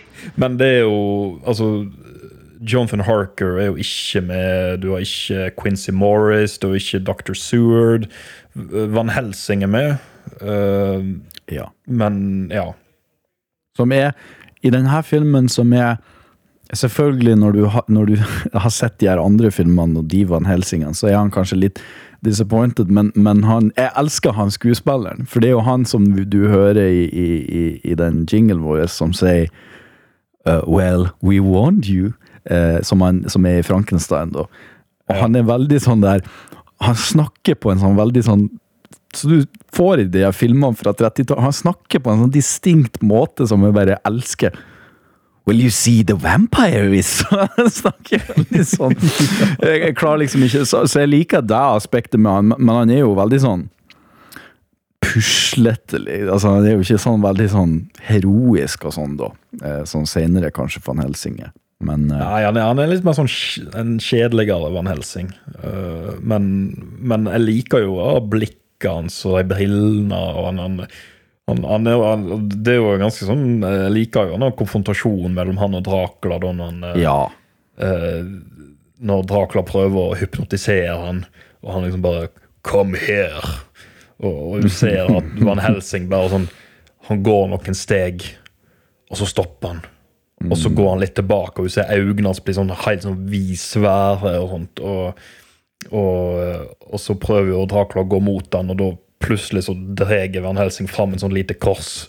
Og Dracula bare sånn og springer. Og, nei, jeg, syns det er veldig bra, da. Det, det er jo ikke sånn voldsomt actionfullt sånn som en er vant med i dag, da, men, men, uh, men, men det har sin sjarm. Ja, altså, vi har jo herlig uh, sånn eh, flaggermus på tråd-scene. Hvor vi får en flaggermus som dingler fra en tråd. Eh, som alltid er selvfølgelig eh, hilarious og fantastisk å se. Um, Ja. Noe som jeg fortsatte med helt fram til 70-tallet. Hammer-filmene var jo notoriske for å, å bruke sånne eh, flapping bats uh, på, uh, på, på tråder. Ja, de, de var Det tok litt tid før de mestra det der. eh, Flaggermusteknikken sin.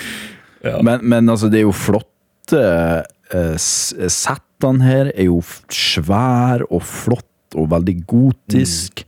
Eh, spesielt jeg, jeg tenker på det her eh, eh, hvor grava til Dracula ligger, eksempel.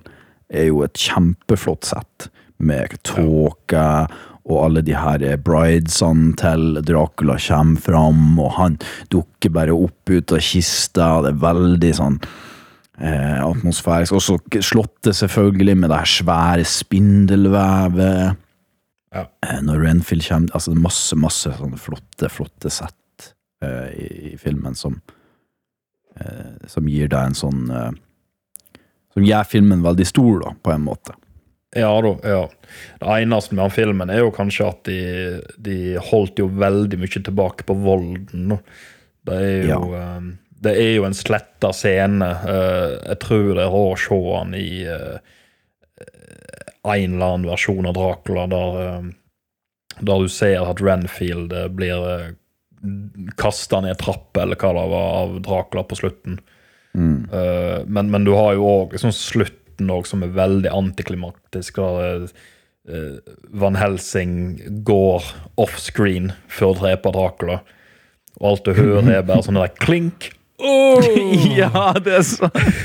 Det Du er får aldri sant. se Dracula dø, og ja, det er litt sånn Du får vel uh, kanskje sett deg i Draculas Daughter? Det er så lenge siden han har sett ja, den, så jeg ja. Du får for, det, for den, ja. den plukker opp uh, akkurat uh, der Dracula slutter. Ja. Eh, Så da får du se Jeg tror ikke det er faktisk Bella Lugosi, men en slags sånn lifecast av, uh, av Bella da, som, eh, som ligger med, med steiken i, eh, i hjertet. Da.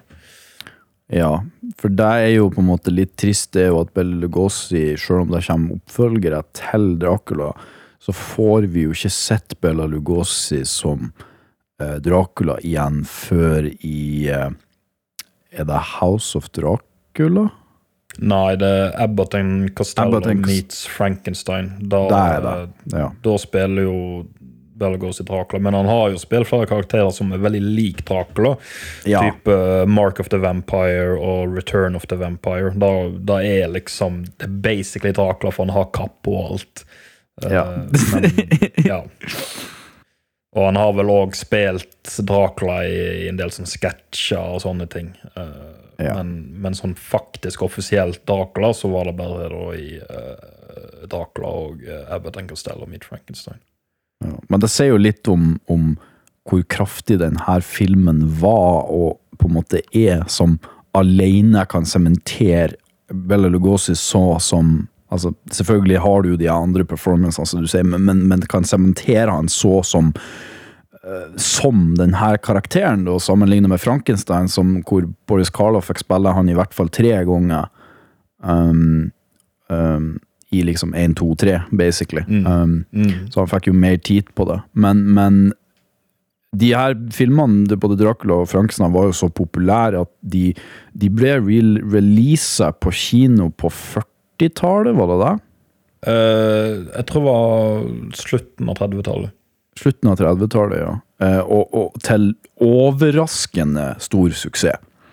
Eh, så, så de hadde jo en enorm eh, Og da hører du jo når du ser intervjuer med folk sånn som Mel, eh, Mel Brooks og en masse folk som på en måte var unge når de, eller sånn eh, ungdom når de så de her filmene, hvor mye de ga inntrykk på de. Altså, vi kan jo ikke forstå det, men de her filmene var super scary når de kom på kino.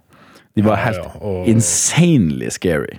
Ja, ja, sånn som i USA, så gikk vi på TV vet, på 50-60-tallet, og, og du, du, du har jo sånn som John Carpenter og Toby Hooper og mange av de vokste opp med disse filmene. De, og, og ble jo eh, enormt påvirka, så, så veldig mye av den moderne skrekken som vi ser i dag, er jo inspirert av de gamle Universal-filmene med Bella Lugosi og Boris Karloff og Lon Chaney jr. Ja, det, det, det er jo Men det er jo òg fordi på mange måter her da Det er jo ikke her det begynner, men, det, men her begynner det virkelig å Hva skal man si? Å, å få en sånn eh, shape, da. Hva, hva horror skal bli for noe. Eh, For Ja. det her er jo fortsatt tidlig, selvfølgelig, i, i filmens historie. Jeg syns det òg er interessant. eh, Sånn, altså, vi snakker jo om Bale Lugosi, som var en sånn underdog, og, og ble aldri sånn skikkelig uh, tatt, uh, tatt godt imot på en tid. Men du har jo òg regissøren Todd Browning, som Ja. hadde uh, ja, en litt sånn trøblete karriere, for han kom ut med filmen Freaks i det var 1982, Året etter. Eller, ja, året etter, ja. Som uh, ble jo voldsomt kontroversiell når han kom ut, og eh, Og han, han ble vel nesten sånn bannlyst etter den filmen. Han fikk jo nesten ikke noe arbeid eh, etterpå. da, ja, Det var jo rett og slett bare tragisk. Ja, han, eh, han ble vel egentlig kasta ut av film, filmen, sånn, altså, altså av Hollywood, på, på mange måter. Ja, ja. Eh, han- Det var jo, det, det skulle jo nevne i stad at eh, det var jo faktisk eh, Han lagde jo en film som heter The Unknown med Lon Chaney, som er en skrekkfilm, som jeg tror er mye av grunnen til at han ville ha han tilbake som Dracula. Da. Men det, når du snakker om Todd Browning, så syns jeg det er interessant, for da kan vi komme inn på det faktum at det finnes en spansk versjon av denne filmen. Og da tror sikkert folk at vi snakker om en dubba versjon på spansk. Nei, vi snakker om at de skjøt Dracula på dagtid, og så skjøt de den samme filmen med de samme settene med et helt eget cast og regissør. Uh, bare at castet var spansk, og de snakka på spansk. Uh, sånn at det har jo Det er på en måte en egen film, kan man si. Eh, Regissøren kunne jo egentlig ikke spansk engang, så det er jo litt amazing at de fikk til å lage det her. Men, men den blir ofte sagt skal være bedre teknisk sett enn uh, den engelske versjonen. Ja, de bruker mer kamerabevegelser i den filmen, og, og de, de er jo litt mer sånn eh, Litt, litt mer voldeligere. eh, De, de holder ikke så veldig mye tilbake i den filmen. Eh, Jeg husker jo òg sånn som kjolen til, til Mina er jo uh, mye mer sånn revealing i, i forhold til, uh, til den engelske versjonen. Og, og jeg lurer på òg om den spanske versjonen er 30 minutter lenger enn den engelske. Den er ganske mye lenger, ja. Den er, Ja. For den første Dracula er bare 1 time 15, og jeg lurer på om den er 1 time 40, den spanske. Ja. Så det er ganske er, langt før sin tid òg. Ja, det er det. Og I hvert fall for skrekk og hva. ja. Men altså, det er jo ikke bare på et teknisk nivå filmen er bra, men òg skuespillerprestasjonene er jo fantastiske. Både han som spiller Dracula, og han som spiller Renfield. Det er jo Ja. Det er, Ja. det er en utrolig god film, og, og når folk sier at de liker han bedre enn den engelske versjonen, så, så tenker jeg det er helt forståelig. Ja, der, eh, der er helt uenig, faktisk. dere er helt uenig. Jeg, vil, jeg ville sagt at beste ville selvfølgelig være å kombinert den, det tekniske uh, aspektet fra den spanske med den engelske. Men, og jeg, jeg er helt enig med at Renfield er fantastisk i den spanske versjonen. Han er òg fantastisk i den engelske versjonen. Men jeg syns uh, Dracula, uh, som er spilt av jeg husker ikke hva han heter, han spanske skuespilleren, men han spanske skuespilleren som spiller Dracula, jeg syns eh, ikke han har i nærheten av det Bela Lugosi har, og det, det vil jeg òg si For meg, det her er, det min smak, så, så sier det noe om at eh, Dracula, for meg i hvert fall, er ikke en bra film fordi den er verken teknisk bra, eller fordi manuset er spesielt godt, sånn sett, men det er fordi den har Bella Lugosi, og fordi den har Renfield, eh, eller han som spiller Renfield, da, eh, fordi de er det som gjør den bra for meg. Eh, for det, og jeg skal gi et eksempel. Det er når, når eh, Van Helsing eh, Han har et, et, et sånn eh, askebeger med et speil, og han ser jo da at Dracula ikke reflekterer noe. Altså, han, refleksjon, han har ikke noe refleksjon i speilet.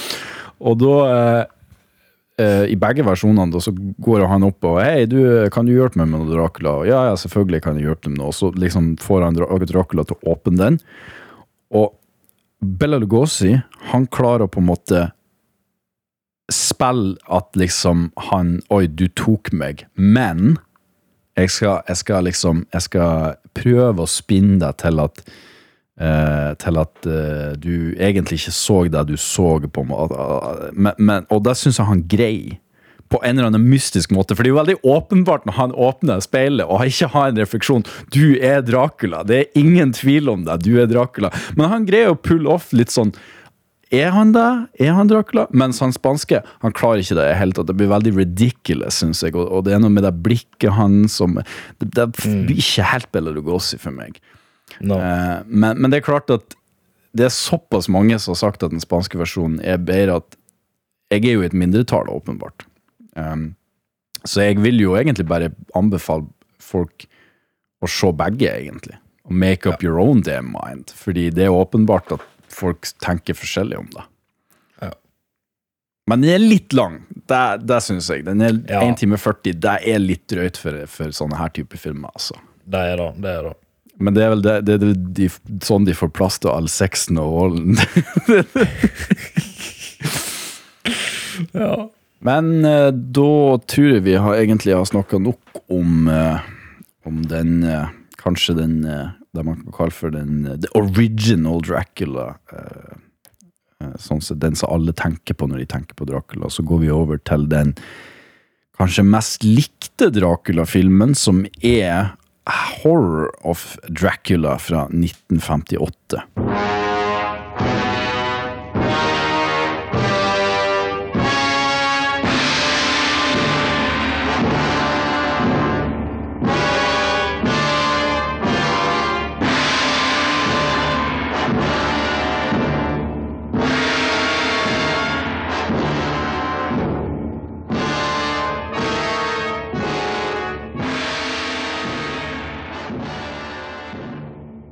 I 1958, etter suksessen med The Curse of Frankenstein, så har vi et lite britisk studio som heter for Hammer, som, eh, lager, som følger opp suksessen med, med Frankenstein med den eneste andre filmen man kan lage etter en Frankenstein-film, som er Dracula, med filmen Horror of Dracula, eller eh, den heter vel bare Dracula i statene, da, men, men eh, jeg syns Horror of Dracula alltid var en mye bedre tittel, sånn sett.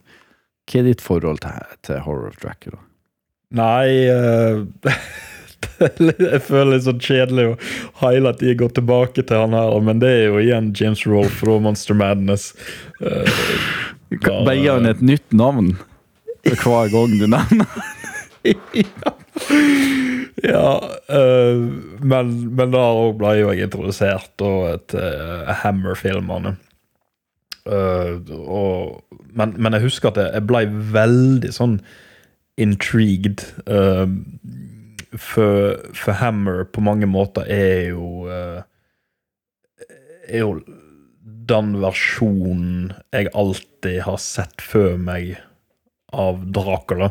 Mm, og, og, og Ja, altså Ikke bare at det er farge, men du har blod, du har hoggtenner.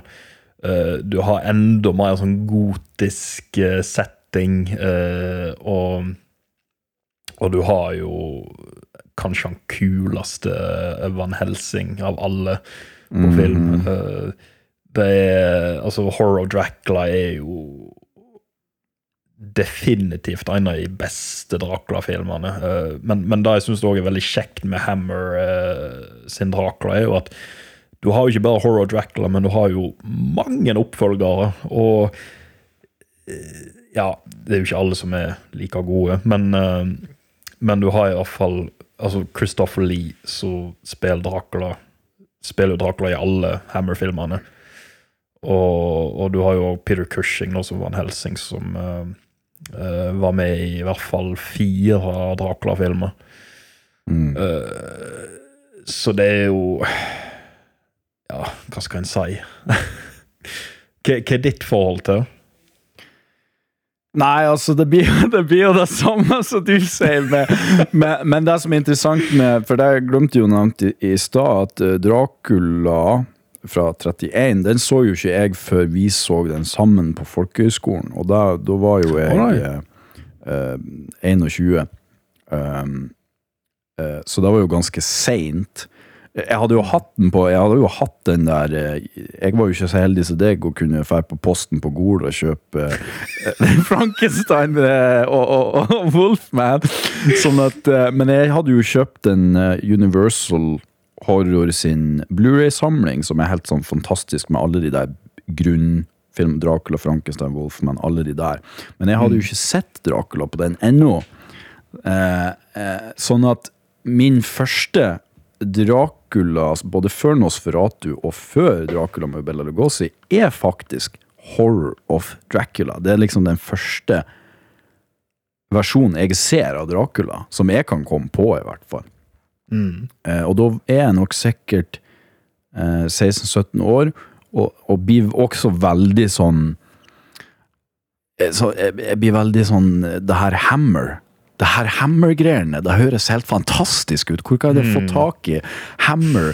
eh, The Mum, de har The Mummy, de har Frankenstein, de har Dracula. Og jeg, begynner, jeg tror jeg begynner med The Mummy, og blir helt sånn blown away av hvor kult eh, hvor kul den filmen er.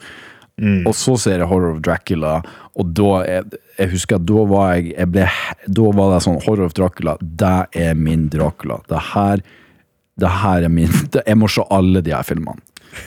uh, og da ser jeg jo liksom er Horror of Dracula, og så er det uh, Brides of Dracula, hvor du faktisk ikke har Christopher Lee som Dracula, men bare Peter Cushing som van Helsing. Prince of Darkness. Eh, og så har du Dracula's Risen from the Grave og Taste of Blood of Dracula og Scars of Dracula, Dracula AD 1972 og Satanic Rites of Dracula og Legend of the Seven Golden Vampires. og det bare stopper aldri opp med Christopher Lee som, som Dracula. Um, og altså jeg tror jo alle har sine favoritter av de her filmene, men, men altså, jeg tror alle er enige om at Horror of Dracula er kanskje den som på en måte Det er jo der det blir sementert at det her er på en måte, som du sier, det her er Dracula. Det her er Christopher Lee er Drac... Er, er, er, ja, Dracula. Og Peter Cushing er i hvert fall den definitive van Helsing, på en måte. Absolutt. Uh, han er bare så badass. Ja, og så er han sånn uh, han, er så obsessed av å få tatt Dracula. Det, det er liksom Ingenting stopper han. Han, han er helt i hundre. Og, og, og, og, og liksom da får liksom deg til å bli liksom revet med, for du, du, du blir på en måte litt sånn Yes, nå skal vi ta Dracula med! Og,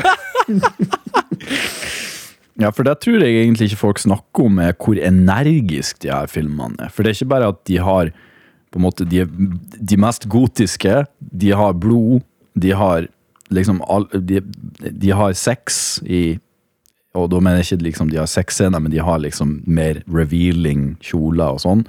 Men de er også veldig energiske. Ting går veldig fort, liksom. Eh, Og Dracula er veldig sånn Dracula pumper jern i den her, liksom, på en måte. Altså, han, han er ikke det, da, men, men altså, Christopher Lee er høy. Han er en høy mann. Så han tåler jo over alle andre i, i både høyde og bredde over skuldrene. Ja. Det er nok Altså Selv om jeg elsker Christopher Lee, så, så føler jeg kanskje eneste som han mangler, er jo stemma. Han har ikke den samme hypnotiske og kommanderende stemmen som. Og, men, men igjen, han sier jo ikke så veldig mye i filmene. Uh, du, du har jo sånn så uh, Jeg tror det var 'Taste Blood of Dracula', så, så sier han liksom ikke noe mer enn sånn der uh, The second, the third Etter han har drept de. ja.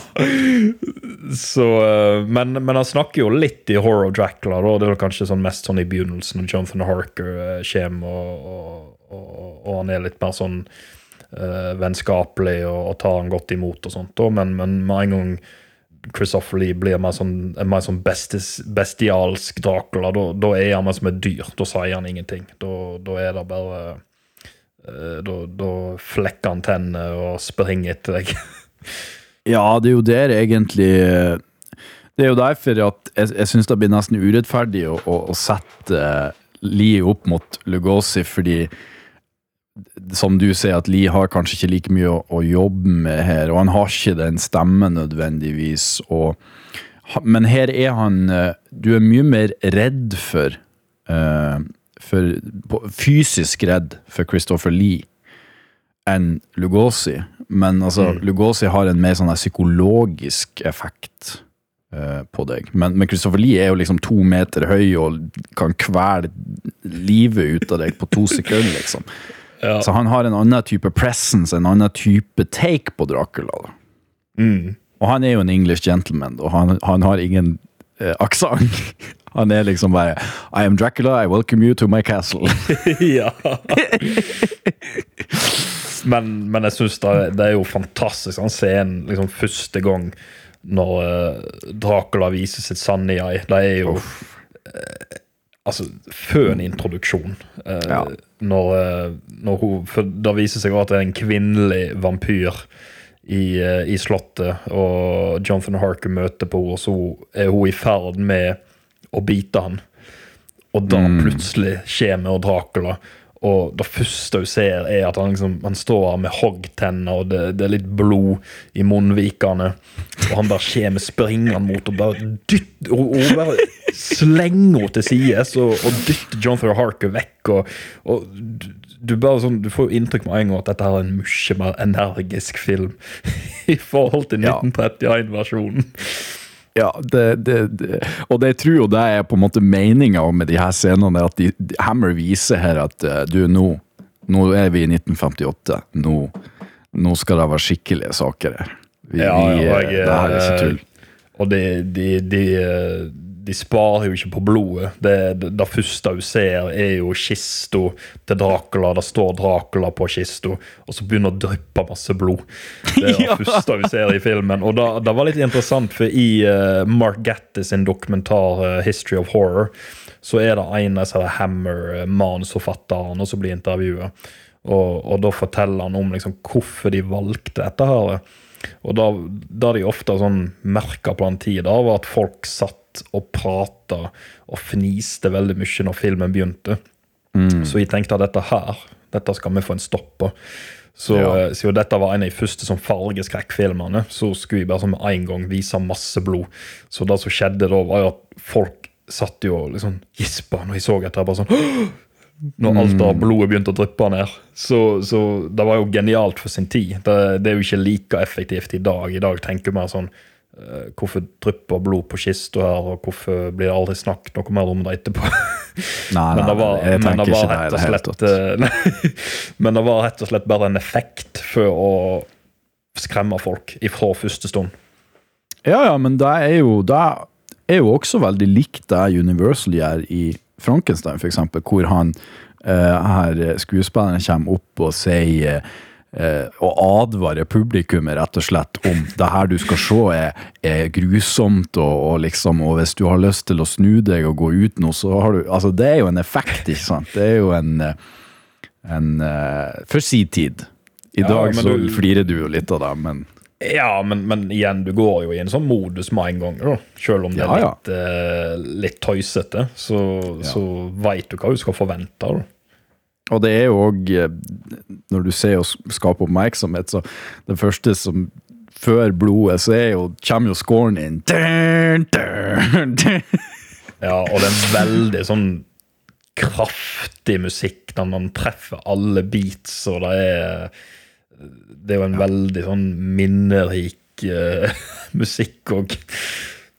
Ja, den, den, det er vel kanskje en liten forsmak på, på den uh, skrekkmusikken som vi skal få opp, oppover årene, som er veldig sånn uh, Ja, det begynner jo egentlig med Psycho, da, men- det her er jo på en måte før Psycho, med sånn der veldig skarpe lyder. Sånn, sånn liksom sånn Ja, som på en måte Jump scary, på en måte, før det har blitt en ting. Ja. Um, men, men vi har Det er jo her vi får vi, I 30-tallet så hadde vi Bella Lugosi og Boris Karloff som en sånn ikonisk duo som hele tida, ikke hele tida, men, men ofte dukker opp liksom mot hverandre, eller liksom i, i forskjellige filmer. Um, sånn som The Black Cat og The Raven, og, og de er liksom så ikonisk, så liksom sånn De, de, de, de, de er en sånn duo, da. Og her har vi jo den nye duoen eh, som vi fikk først i eh, Curse of Frankenstein, men som vi på en måte får igjen her i Horror of Dracula, som vi skal se mange ganger etterpå. Christopher Lee og Peter Cushing, eh, som er to sånne monumentale figurer i horror. Ja, og det er jo liksom de klassiske erkerivalene òg. Mm. For du, du har jo sånn som så, Dr. Loomis og Michael Myers og, og, eh, og, og disse her, men, men jeg føler det, det koker alltid tilbake til Det koker alltid ned til uh, Van Helsing og Dracula. Det er, det er de klassiske erkerivalene i ikke bare skrekkfilm, men jeg vil si sånn film generelt òg. Ja, altså det er jo good versus evil. Det er jo så eh, enkelt som du på en måte får det. Og her er jo på en måte Her er jo Christopher Lee på en måte ekstra evil. Eller han er jo Han går jo Han begynner litt Bella Lugosi og går litt over til Max Shrek, på en måte. At han blir et mer monster, da. Mm. Um, og, eh, og det er jo Og da, og da blir jo òg på en måte Van Helsing eh, en, en veldig sånn god Sjøl om Van Helsing er veldig Han er veldig sånn spydig i denne filmen. Han er veldig sånn Han er Det er han som er sjef, liksom. Ja, ja. Ultimately, death results from loss of blood. But unlike normal death, no peace manifests itself, for they enter into the fearful state of the undead. Det er jo eh, Og det, og det er jo en annen uh, rolleprestasjon som jeg syns er veldig undervurdert, som ingen snakker om, men det er jo Michael Goff som spiller Arthur Holmwood. Ja. Uh, som er veldig sånn tvilende i filmen, men som begynner sånn etter hvert å bli overbevist av Van Helsing. Da. Og uh, Michael Goff er jo kjent for å spille Alfred i de gamle Batman-filmene. Yes. Uh, men uh, en klassisk sk skuespiller. Han spilte jo mye i teater og var jo Var vel en litt sånn type character actor. ja. eh, men, men han er utrolig god i den filmen, og, og veldig undervurdert. Du kan jo også spørre deg sjøl om Tim Burton caster eh, han eh, i Batman, som også er en utrolig gotisk film, fordi nettopp han hadde sett Horror of Dracula. Ja. Eh, som er en mulighet. For jeg Mm. regner med at Tim Burton har sett Horror of Dracula ganske mange ganger i sitt liv. Ja. Men denne uh, Horror of Dracula er veldig unik i forhold til de andre filmene og novellen i at uh, vi har Jonathan Harker her, som er en sentral karakter i alle filmene. Som er den Han der eh, han, han er vel en Hva det han er? En sånn real estate agent, basically. Han som skal selge eiendommen til Dracula i London. Ja. Um, men her så er han bibliotekaren til Dracula. Ja. Eh, Kommer for å få orden i bøkene til Dracula, tydeligvis. Men, men, ting, men, men han veit jo om vampyren. Han veit at Dracula er vampyr. Han har Ja. egentlig kommet her for å drepe han. Ja. Undercover agent. ja, så er det liksom en heil merkelig twist. Ja, men Eh, veldig bra. Ja da, ja. Uh, men det er jo en av veldig mange forandringer som er blitt gjort i denne filmen. før for jeg, jeg tror jeg vil si av alle Dracula-filmene så er kanskje Horror Dracula den som skiller seg mest eh, vekk fra, uh, fra boka. Ja. Um, for ja, igjen, du har Jonathan Harker som kommer for å drepe Dracula. De switcher jo om Lucy og, og Mina. ja. Og, eh, og ja, du har jo ikke Dr. Seward og ikke Quincy Morris, men du har jo da Arthur Holmwood. Eh, men du har jo den sekvensen med ikke Lucy, men Mina som blir om til en vampyr, og de, de dreper oh, ja. og sånt. Å oh, ja. oh, ja, la oss snakke uh, litt om det.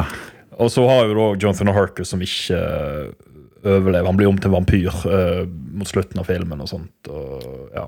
Ja. Det er jo Ja. Men, men ja. Du, du Det er, ville det, snakke om men, eh, men, altså, men, men det er, dere må bare Det det er ikke en spoiler, at, eh, fordi det, det her er helt i begynnelsen. Altså, Eh, Ja. At Jonathan Harker på en måte blir, blir Og det er jo på en måte det som alltid skjer med Jonathan Harker i begynnelsen av de her filmene. At han blir tatt, da. Så det er på en måte ikke Stakkars Jonathan. Ja, han blir alltid tatt, stakkars. Det er liksom Jonathan og, og Renfield. eh, Ja. Renfield dukker Er Renfield med i Nosferatu? Eh, ja. Uh, Ja, men han er en mye mindre karakter. Nei, altså Nei, for han er ikke med i Renfield Ho- Horror of Dracula. Nei, han, det er en karakter i Prince of Darkness som De, de sier aldri Renfield, men han er jo basically Ren, Renfield basic, fordi han uh, driver og eter på flåger og sånt. Eh, men, Ja. men Nosferatu er jo han som er sjefen til, til han Jonathan, eller han karakteren. Det er jo basically Renfield. Ja, det stemmer. Det stemmer. Uh, ja. Ja. Da, da, da har jeg det. Um, men, men ja, altså Fordi denne filmen Her har du blod, her har du liksom alt som vi ikke har fått før. Og Mina eh, blir jo gjort om til en vampyr. Det er jo ganske tidlig i filmen. Mm. Um, og det er jo fordi at Dracula har sett uh, sånn som han alltid gjør. Han ser et bilde av forloveden til Jonathan Harker, og stakkars Jonathan Harker, Harker blir da uh, køkt av uh, Dracula, som åpenbart er mye mer sexy enn uh, Jonathan Harker, fordi han puller jo eh, som den eh, østeuropeiske gentleman som han er. Så greier han å pulle Mina, eller Lucy, spørs hvilken type film du er i. Um, det er jo et annet aspekt som, som vi ikke har nevnt, eller det er jo, det er jo et litt sånn biseksuelt aspekt ved Dracula. Uh, I at han han suger blodet både av menn og kvinner. Um, Mm. så jeg vet ikke om du har tenkt så mye over det, men Men han er nå der, altså, Ja, nei, for, for han Så vidt jeg kan huske fra boken, så, eh, så suger han ikke blodet av Jonathan. Det er jo disse her eh, Brides of Dracula, eller disse her uh, kvinnelige, disse tre kvinnelige vampyrene i, i Dracula sitt slott. da. Eh, ja, det er sant. Mm. Men uh, det var ikke lov på den tida å bli seksuell, så Nei. det, det er bare derfor. Men uansett, Mina. Eh, fordi det, det, det som jeg syns er så Altså Det som gjør den her, for meg i hvert fall, til den så bra, er at Altså, Mina-sekvensen, oh my god, altså. Det, det er så gotisk, så atmosfærisk. Altså, du blir sugd inn i det her scenen eller sekvensen hvor hun Det er et sånt tante, Hun har et tantebarn som som eh, liksom har, eh, har sett at eh, Mina er i live, men hun er jo død, ikke sant? Hun er jo nettopp dødd, så det går jo ikke an, ikke sant? Men så får vi se at hun er i live, og, og liksom håret hennes driver liksom, hun, hun, hun er så supernatural i den her altså, For meg så er hun en vampyr, liksom. Det, det er ikke mm. filmtriks. Hun er der, liksom. Og, og, og så lokker hun ei lille jente, og så bare BAM! Kommer van Helsing inn med, med korset, og damn, for en badass! Altså, van Helsing er det største actionhelten i, i verden for meg i, i, i, i denne filmen, basically. Han er så badass! Eh, og Mina blir jo helt, selvfølgelig, Uh, ja, forskrekka. Ja. Of course. Jeg altså Peter Cushing føler alltid var det beste når han kom til Hammer, for han var jo en fantastisk Dr. Frankenstein i Frankenstein-filmene. Eh, men, men han får jo òg bevist seg som Van Helsing, ikke bare i Horror Dracula, men òg i Brides of Dracula. Og i jo en fantastisk sekvens mot slutten da han blir beten av en vampyr. Og han bare med en gang tar en sånn der eh, sånn, Ifra sånn der eh, eh, En ovn, eller hva det var, og, og tar og svir. Dette ja. bittmerkene som en gang for for å bli kvitt uh, vampyrismen i seg. Altså Han er jo Han er jo definisjonen av badass, uh, selv om dette er sånn slutten av 50-tallet. Ja, og, og den scenen er jo også ikonisk fordi Og det her, det, det her jeg har en, den, en morsom anekdote, du, du husker jo det her. Men for det her er jo den scenen så eh, Det er jo da Arthur Holmwood sin karakter på en måte blir litt Begynner å bli overbevist om at Altså, han ser jo at hun, hun var død. Nå er hun ikke død. Hm, Jeg lurer på hva det kan være for noe. Eh, og da sier jo selvfølgelig van Helsing at vi må drepe henne. Hun er undead, som de sier. Altså, hun, hun Skjæren hennes får ikke ro før vi har tatt livet av henne. Og det er da vi får den første på film, som jeg vet om i hvert fall. Så vi ser eh, Nei, det er ikke den første, for det, i begynnelsen så får vi jo faktisk en. Men, men den er ikke like grotesk som den her, når, når van Helsing piercer Minas sitt chest med dolken, og du ser blodet, og det er skriking, og Arthur blir helt sånn ødelagt av det han hører og ser, og, eh, men han begynner jo å skjønne eh, alvoret av det her. Og jeg husker jo på, når vi gikk på folkehøgskolen, så, skulle jeg vise en del klipp til noe, til noe syvendeklassinger, eller hva det var for noe. Og da skulle jeg få bestemme hvilken eh, klipp jeg skulle få vist i fra forskjellige filmer. Da, jeg husker jeg hadde sikkert diskusjoner med deg og, og andre folk, og, da ble jeg enig med meg sjøl at jeg, skal vise denne sekvensen av Mina som blir stabba av den der dolken til de her. Og, og jeg fant fram klippet, og, og, og liksom og så skulle jeg vise det her til, til læreren vår på folkehøgskolen. eh, Hvilken klipp skulle vise de her sjuendeklassingene. Og så kom det til det klippet der. Og så sier jeg Er du, er du, er du steike gæren? Har du tenkt å vise det der til syvendeklassinger? Og jeg bare What? Jeg så jo sånn når jeg gikk i syvende klasse. Eh, og så, sakte, men sikkert, så begynte jeg å innse at eh, vet du hva, denne, selv om den her er fra 1958, så er den ganske grotesk. Og det er kanskje ikke så lurt å vise den til 13-åringer som da får hjem til foreldrene sine og sier 'Hei, mamma, i dag så så jeg noen som ble spidda i hjertet med en tolk'. Så, eh, så, eh, um, så jeg gjorde ikke det. Jeg visste ikke det klippet til de til de eh, syvendeklassingene. Uh, men jeg, jeg tror det sier litt om effekten den- scenen sekvensen fortsatt har, eh, i hvor gro grotesk den er. Eh, så ja, det var min anekdote. Takk. Takk. Ja, jeg syns jo klimaksen av filmen er jo helt fantastisk òg. der eh, Spoiler. Hopp til tidskode 14220. Peter Cushing eh, springer etter eh, Christopher Lee, og, og de har jo den der eh, strugglingen på, på slutten der, og, og utrolig sånn Til å være en så gammel film, så er altså, ting går så fort, og det er jo ganske actionfullt òg. Um, og, og en ganske sånn grotesk uh, eh, dødsscene på, for Dracula òg, som ble kutta ned på en tid. Uh, uh, men som faktisk har blitt restaurert i dag. For det, de, de bildene som mangler, tror jeg ble funnet i Japan for ikke så veldig mange år siden. Så eh, Japan òg, av alle plasser. Eh, Ja. Men uansett så, så har dette her blitt restaurert og, eh, og klipt inn igjen i filmen. Så hvis du kjøper en Blu-ray av Horror Dracula, så vil du mest sannsynlig se disse bildene som mangler. Ja. uh, og det er jo på en måte Du vil vel nesten ikke legge merke til det nå, fordi at Altså, det er jo en fæl, grotesk sekvens, men, men det er jo klart at eh, for dagens standard så så er det jo kanskje mildt. Eh, ikke mildt, men, men eh, så, så du legger kanskje ikke merke til de, de lille bitene som du tenker Oi, det der var for grovt for, for de i 1958. Eh, Men det handler jo egentlig bare om hvor mye eh, man viser, på en måte. Men, men det er jo også viktig å si at det her er jo òg starten på Eller det her og Curse of Frankenstein er jo også starten på karrieren til regissøren, som er uh, Terence Fisher. Ja.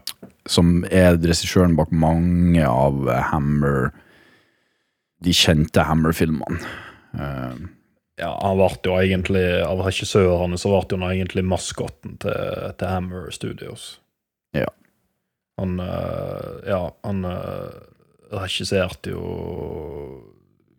Curse of Frankenstein, Prince of Darkness, Revenge of Frankenstein altså, ja, Brides of Dracula, alle disse her, store. Ja, men egentlig så kan man vel nesten si at alle de regissørene som jobba i Hammer, de var liksom vet, De var veteraner, de, de var dyktige, de visste hva de trengte. eh, Ja. De fikk jobben gjort. Så det er jo derfor mange av de Hammer-filmene de føles ofte ut som De kommer fra Hammer, da, for de har en sånn der distinkt look, distinkt feel, distinkt Ja. Mm. Det har ikke så mye med liksom, regissøren nødvendigvis å gjøre, da, men uh, Eller altså, alle er jo dyktige på sin måte, da. Ja, Ja, en annen forskjell som, som man kan nevne, da, er jo at den her Det er jo ingen reising i denne filmen. Eller det er veldig lite reising. Den tar bare plass i Tyskland, liksom. Um, Ja. Eller i Østerrike, eller hvor det er hen. Um, de sier noe Strasse, så jeg regner med det i Tyskland og Østerrike. Men, men, så det er ikke liksom reise til London og alt det der plottet med at han skal kjøpe seg leilighet i, i Dracula skal kjøpe seg leilighet i London og leve bachelorlivet og ja, alt det der. Så, det- så det er sant som du sier, den er veldig, veldig annerledes enn eh, enn de andre filmene. Og så har den mye humor òg. Overraskende Ja, ja, ja. humor. Ja. Eh, det kommer jo i hvert fall på han der eh, Han undertakeren som skal vise de liksom kisten sin eller noe sånt som Yeah, a guy was walking down here and he fell down the steps. han, er bare, han tar det bare helt ut sånn. det er nesten som plutselig en sånn komediefilm. ja. Og så er det jo den andre sekvensen når det er en sånn der uh, grensevakten, eller hva Ja, det er. ja. ja. Så driver og har en sånn bom så han hever og senker. Og så kommer de og knuser bommen hans, og så reparerer han bommen og liksom bruker tid på det. Og så kommer det enda ei vogn og kjører ned bommen. Eh, så den har liksom veldig mye eh, med seg. Og det er en fantastisk flott eh, film, altså. ja, absolutt. Det er nesten så jeg fikk lyst til å bare gå og sette den på nå når vi er ferdig med podkasten. Ja, og det her er jo egentlig noe som Det her kan alle se i dag, og eh, den her holder seg utrolig bra, altså. Eh, Ja, ja. og, og med mindre du virkelig er picky, så kan du se den her og få mye ut av det, altså. Mm. Så, så det anbefaler vi. Den er jo dessverre Den er på Jeg vet den er på HBO, amerikansk HBO Max. Hvis du har VPN, så kan du få tak i den der. Og så er den jo lett å få tak i på DVD og Blu-ray og, og alt det her, men ja. Han har jo blitt veldig vanlig på Blu-ray nå, da. Uh, ja. egentlig de fleste Hammer-filmene har blitt mye enklere å få tak i i dag enn hva de var for ti år siden. ja men det, det er vel fortsatt litt sånn der De er jo ikke samla liksom på, på bokssett eller noe sånt. Er Filmene er Ja, det er jo eid av ulike studioer, og sånt, så det, det blir vanskelig for dem å, å lansere alle samla. Som er jo Ja, det er jo veldig synd. Ja, det, det er jo det. Um, de har jo ikke vært like heldige der som, som det Universal har, med at de har på en måte alle de filmene samla på de her collectionene sine. Mm. Og der kan vi jo, før vi runder av nå, så kan vi jo Vi glemte jo nemlig å nevne sequelene til, eh, til Dracula fra 31, siden vi nevnte alle til Horror of Dracula. Ja. Vi nevnte jo bare uh, Daughter of Dracula som uh, Nei, Draculas Daughter er det vel. Som Ja. kommer rett etter. Men så har du jo Son of Dracula også. ja, som begynte med dette her Alucard-greiene, som er Dracula, eh, men baklengs. Og Ja. dette sånn typisk Alucard dukker òg opp i uh, Hammer-filmene. Og det er alltid en sånn scene der jeg skal liksom vise dette her. At, eh, at det er Dracula, men uh, staver baklengs. Ja, det- det- Eh, Som er litt morsomt. De er liksom eh, vi, vi er liksom foran ti skritt foran filmen som er sånn Ja, we, we get it. Alicard, Dracula. Dracula. Mens de er sånn Ja. D-R-A Men det skaper jo Det skaper jo suspens. Det skaper jo eh, Ja da. ja. Nei, altså etter Son of Dracula så er jo Dracula er jo med i House of Frankenstein. Ja. Uh, og så er jo da House of Dracula. Eh, Og så har jo du òg igjen da Legosi i, uh, i Abbott and Costello uh, Meet Frankenstein. Ja. Og da har vi jo Lon Chaney jr., som spiller eh, Dracula i Son of Dracula, og vi har John Carradine, som spiller han i House-filmene, hvis ikke Ja. er feil. Det stemmer, da.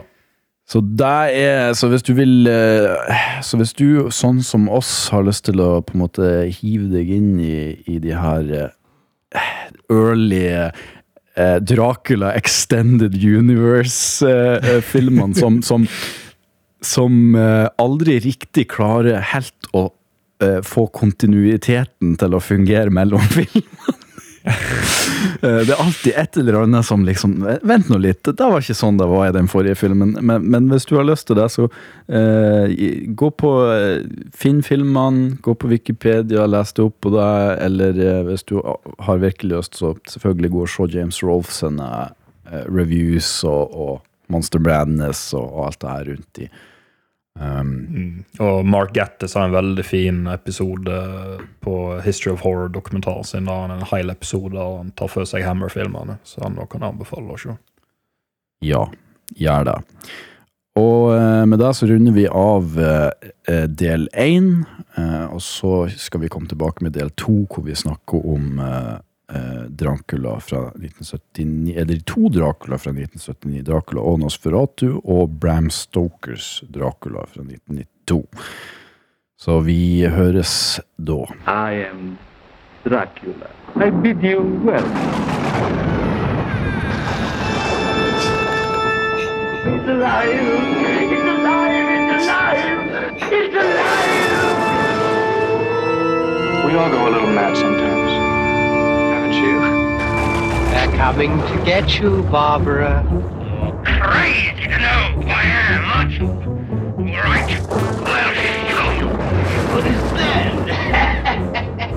Hi, I'm Chucky. Wanna play? Whatever you do, don't fall asleep. Now's your chance to. Uh, well, we've warned you.